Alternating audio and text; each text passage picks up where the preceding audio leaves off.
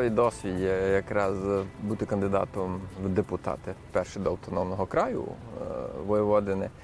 Е, Ну, взагалі, якщо брати якийсь мій досвід, як то кажуть, на міжнародній сцені, і якраз ну, цей досвід такий, би сказати, політичний, е, ну, якраз далася просто зараз можливість така, щоб спробувати на щось державі зробити державного рівні, бо взагалі можна сказати, що хоча наша українська громада та тут у Сербії дуже малочисельна, і ще не було етнічного українця, який би був або народним депутатом, або депутатом автономного краю Воєводина. Е, Так що ну, якраз такий виклик особисто для себе, щоб побачити. Ну, це новий досвід взагалі. Це у нас є вибори до національних рад були, звісно, але це навіть не можна порівняти, розумієте. Національні ради разом тут з цими це вже серйозний державний рівень.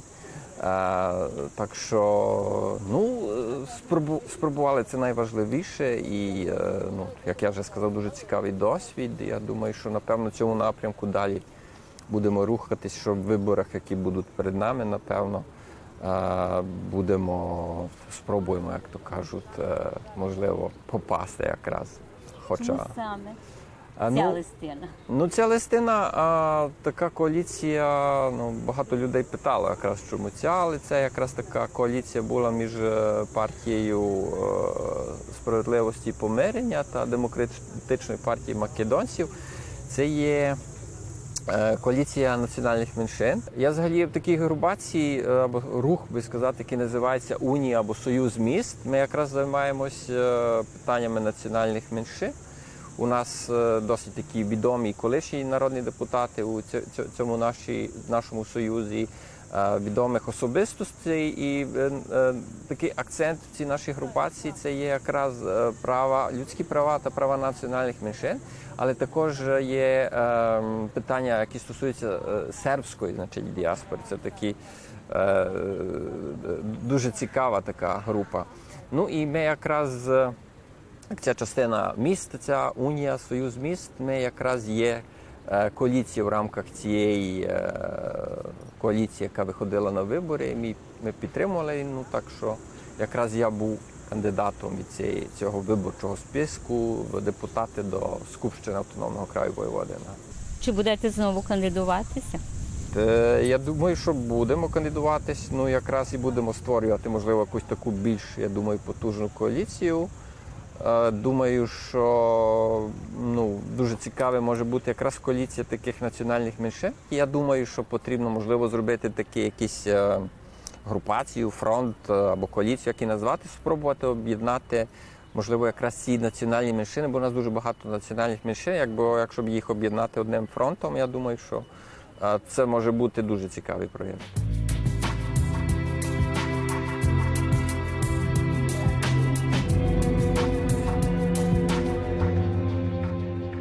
Що б ви змінили, що б ви додали? Е, Чим би ви хотіли е, займатися, допомогти, наприклад, меншинам? Е, Як, в якому напрямку? Якщо б ви пройшли або в майбутньому, коли це і буде? Ну, звісно, це покращити якраз ці права національних меншин, хоча на практиці у нас непогані, як би сказати, і, і досить позитивні результати в цій галузі. Але якраз зараз йде процес переговорів щодо вступу Сербії в Євросоюз, і там якраз зараз будуть е, відкривати ці книги, чи як і сказати, які стосуються права національних меншин. Ну, одна частина меншин е, критикує, що права ще є недостатньо розвинуті, і так як найкраще. Інша частина говорить, що у нас досить такі, хоча юридично і на законі, і письмово досить, е, як би сказати, дуже такий, навіть можливо, між кращими в- е, Європі закони про е, захист і права національних меншин. Правда, десь, напевно, десь посередині. Так що я думаю, що тут якраз в періоді перед нами, в цій дорозі вступу Сербії до Європейського Союзу, якраз буде можливість ще покращити ці права національних меншин. Ну і національні меншини вони якраз є такі подвійними патріотами, можна сказати, бо з цих країн, звідки вони за походженням, їх, їхні прабатьківщини, вони є такими, як би сказати, і лобістами, і просувають інтерес і своєї країни, де зараз живуть, колишньої країни. Це е, міжнародні відносини, це розвиток, е, як то кажуть, е, і, і, і економіки, і бізнесу, і посередництво, і взагалі залучення інвестицій. У нас є, розумієте, національні ради, звісно, національних меншин, але політичні партії це зовсім інший рівень, і е, звітам е, легше впливати і вибивати якісь е, або рішення відповідні, які потрібні, якісь закони, щоб схвалювати. Так що з цієї позиції набагато легше. І тому, звісно, потрібно, щоб національні меншини і їхні представники чим більше були задіяні в політичному житті країни.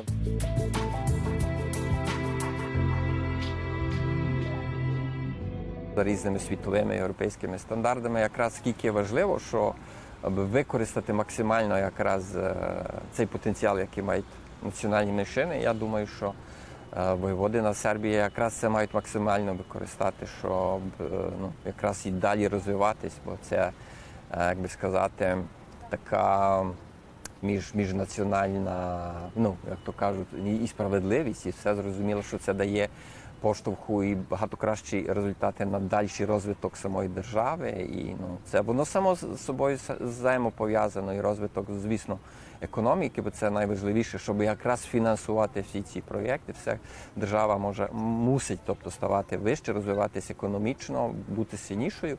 Звісно, тоді буде більше коштів.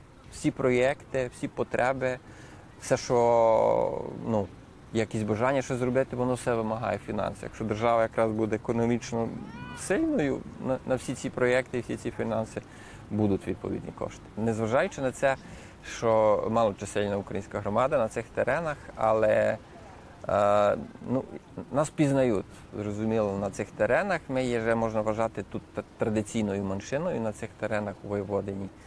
І вони нас, ну, де б, як то кажуть, е, не рухнувся, якраз всі знають, що таке українці. Е, ну, ми вже на цих, цих теренах вже живемо ну, після Другої світової війни. Ну, якраз цього року е, 130-річчя навіть переселення на ці терени колишньої Югославії, нашої української спільноти на цих теренах. Так що м, треба завжди прагнути більшому, не бути скромним. Чим більше у тебе, е, як би сказати, такий, ну, ну, треба мріяти, як то кажуть. Якщо і мрію, у тебе більше так, так само і результати будуть більші. Я закликаю якраз всіх наших українців, у кого є здібності політичні, які е, мають до цього якесь навіть покликання, можливо, можливо, навіть хтось не знав. А це ну ніхто не народжується політиком, а просто це життя залежно якими справами ти займаєшся, ти тоді е, зрозумієш, що ти до чогось чомусь можеш допомогти в середовищі, де живеш, і покращити.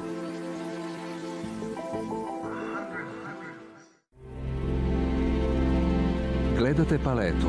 Izbor iz emisija na jezicima nacionalnih zajednica.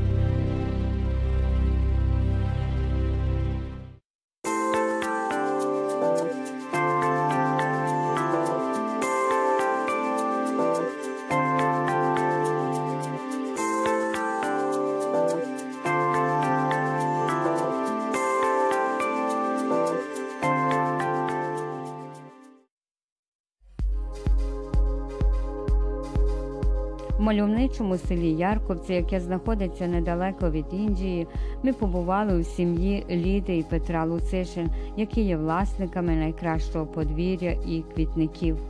На своєму подвір'ї вони створили справжнє природне царство.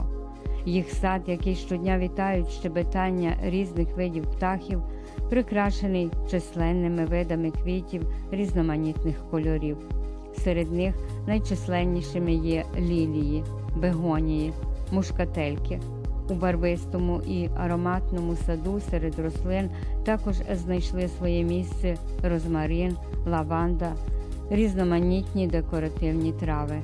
А головне місце займають троянди, які радують очі своїми прекрасними бутонами квітів.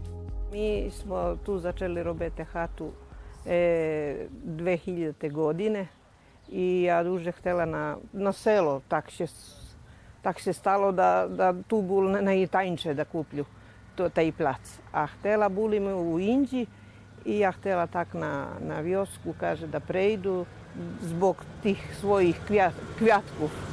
I duže ljubje to što, eto, što budete teper vedeli, tam što je še snimet, e, zato što ja ljubim e, люблю квітки і так приношу трошки і із Польщини, і із Італії, і з Німеччини.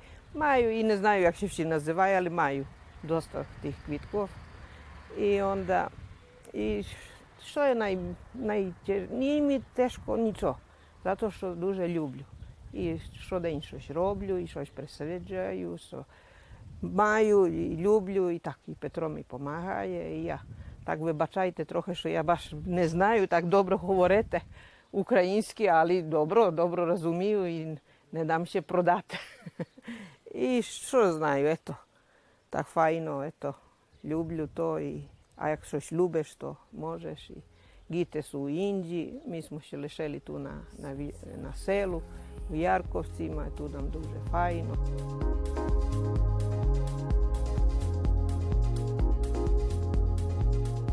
У квітнику Ліди є квітів з різних країв з Німеччини, Італії, Польщі. З кожної подорожі Ліда привозила нові квіти, а й сама вона родом із далекої Польщі. Ja się narodila u Polščini i žela tam do, do se- e, 71. godine i prišla tu. A inače sam e, 51. I prišla tu i vidala się za Petra. I robili hatu u Indiji, ja mala tu čotku, čotka pomerla, mala malu hatu, pa prodala, pa pomogla nam da kupimo plac. I tu maju dvoje gite, že poženjeni, po vnuki, maju i pravnuki. I tak. I žela tam i tu prijehala, kole što bilo pojam prijehate do, do Jugoslavije. Подвір'я прикрашають різноманітні квіти, але Ліді найбільше до серця припала півонія, яка кожної весни радує своїх господарів пишними квітами. Ja sam to prešla, prenesla iz moje, od moje sestre, a ona tamo iz Nemačke donose to take duže, duže te pivonije, rož, ro- rožze i bile, i červone, i jak zacvetaju, to, to vši prihode tu sa sela pa še devljut. Tu u blizini tog mene nema i njih tak kvitke i, i dvorište i to. Vši prihode da še podevljet, podevljet, deš ti to kupila. Pa najesto na, na vjosnu strašno je te lali, te tulipani, pa, pa ti jak se nazivaju, čokotice to, a teper trochę przeszło. Teper budu grezanteme, mama se, i sestry, wszyscy u familiji. Joj, pa moji, moi bracia, pa bratowie ne ljubet kvitke, ali oni sad kvitke, hoću vši, tak po mami mi to. Ima na tu čotku u, u, u, ovaj, u Indiji, mala čotku, a ona je ovaj, tak ljubila kvitke i na placu prodavala grizanteme, tako te krupne, pa tulipani, pa tako to vše i tak i ona meni davala, evo ti to, evo. ali teper ne možeš je vedeti jer to prešlo, da, da. Familijarno, familijarno tak maju. Ваші діти так люблять квіти. I git, evo moj sin, joj, ša, sade kvitke, sade, ali maj sobaku po dviru, pa ne može ni čomate, znaš. A duže ljube i sin, ljube i Gordana, čerka ljube isto kvitke i oni tak na moju stranu prišlo. Eto Petro, on nikole nije ljubio kvitke, teper tako pomahaje i ljube i hvalit će jak mu to fajno, jak je maje, što maje i tako.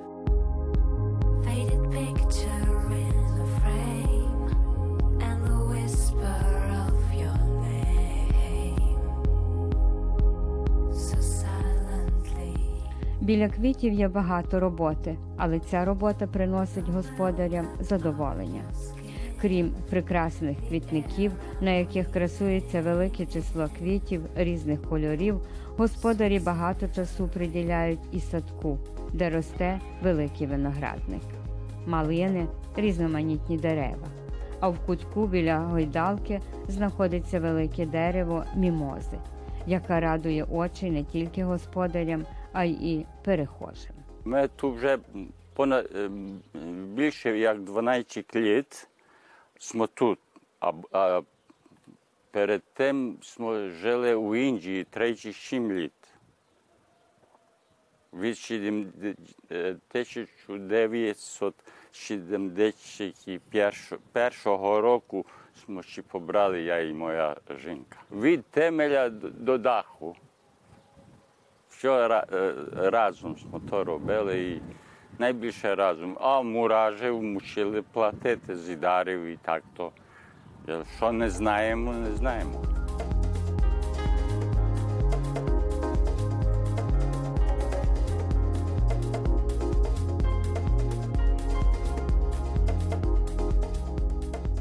Їхній двір прикрашають чисельні фігури, кринички, альтанки, які господарі зробили своїми вмілими руками. Після роботи відпочивають в дерев'янім літнім будиночку в дворі.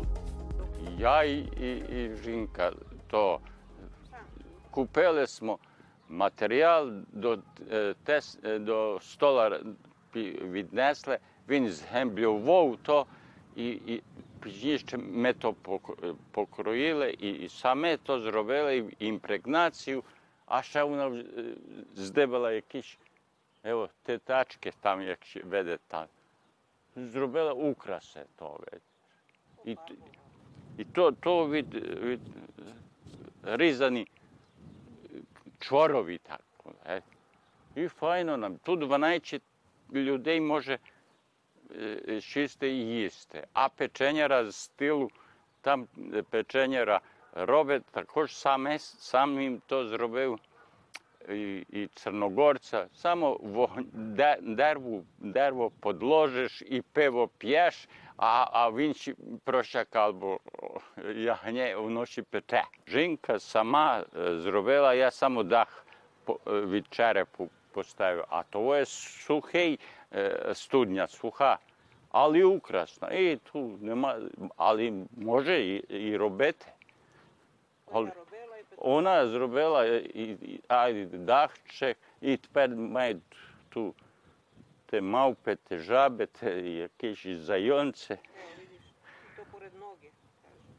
І того, е, що від каміню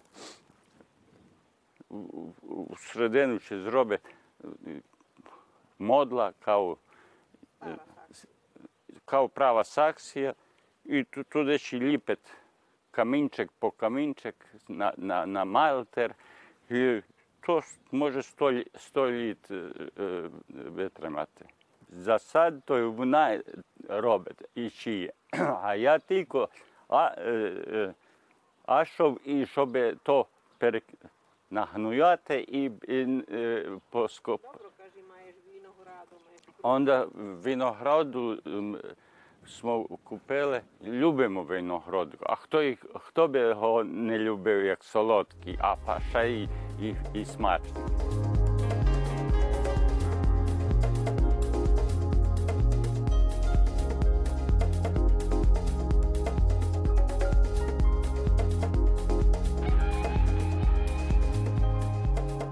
Петро Луцишин 41 рік працював у Ласті у Індії водієм автобуса. Тепер знаходиться на заслуженому відпочинку у пенсії і весь вільний час проводить у подвір'ї і садку. 8.8.2008 року пішов у пенсію за 41 рік е, е, радного стажу і два місяці. Де ви се народили і кого всього мали в сім'ї, де ви жили? Е, то колись була Босна, тепер Республіка Сербська, то е, срез Баня Лука, община Прнявор, а село Чорле. Чорле. А близько нам Лешня, там і до церкви ми ходили, і, і на науку, на релігію, як ще то мови, і так. Діду і баба прийшли з Галіції коли то вже і не пам'ятаю, гіда і не, запам'ятав, баба, бу- бабу е, баба жила ще. І так то, а нас тато, тато також мішаний, як я і, жінка. Тато був е, з польського порекла, а, а, а мама українська. І так то змішані е, е, грох, як то каже, з- то, мішаний брак. Ну. І нас було п'ятеро, чотири братів мною, то чотири браті і одну сестру мали. По служенню війську я був в Австрії е, робітник, тесар по заніманню. На градилищу на, smo робили, pa пізніше був їм у французькій. І так приходив їм до Індії, бо мав їм ту е, гіда і бабу е, від моєї баби, сестра і гідо. І так, і, а жінку е, запізнав у церкві, мала довге к- коси, така була, і то мені так, так любов на перший погляд.